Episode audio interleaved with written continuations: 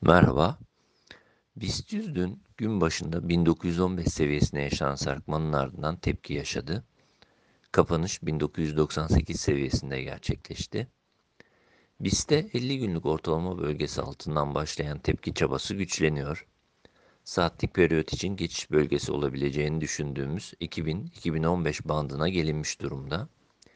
Bu band üzerinde kısa periyotta ortalamalarda yukarı eğilimin belirginleşmesiyle yükseliş hareketinin yeniden güç kazanabileceğini ve ilk aşamada 2050-2065 bandına hareket yaşanabileceğini belirtebiliriz.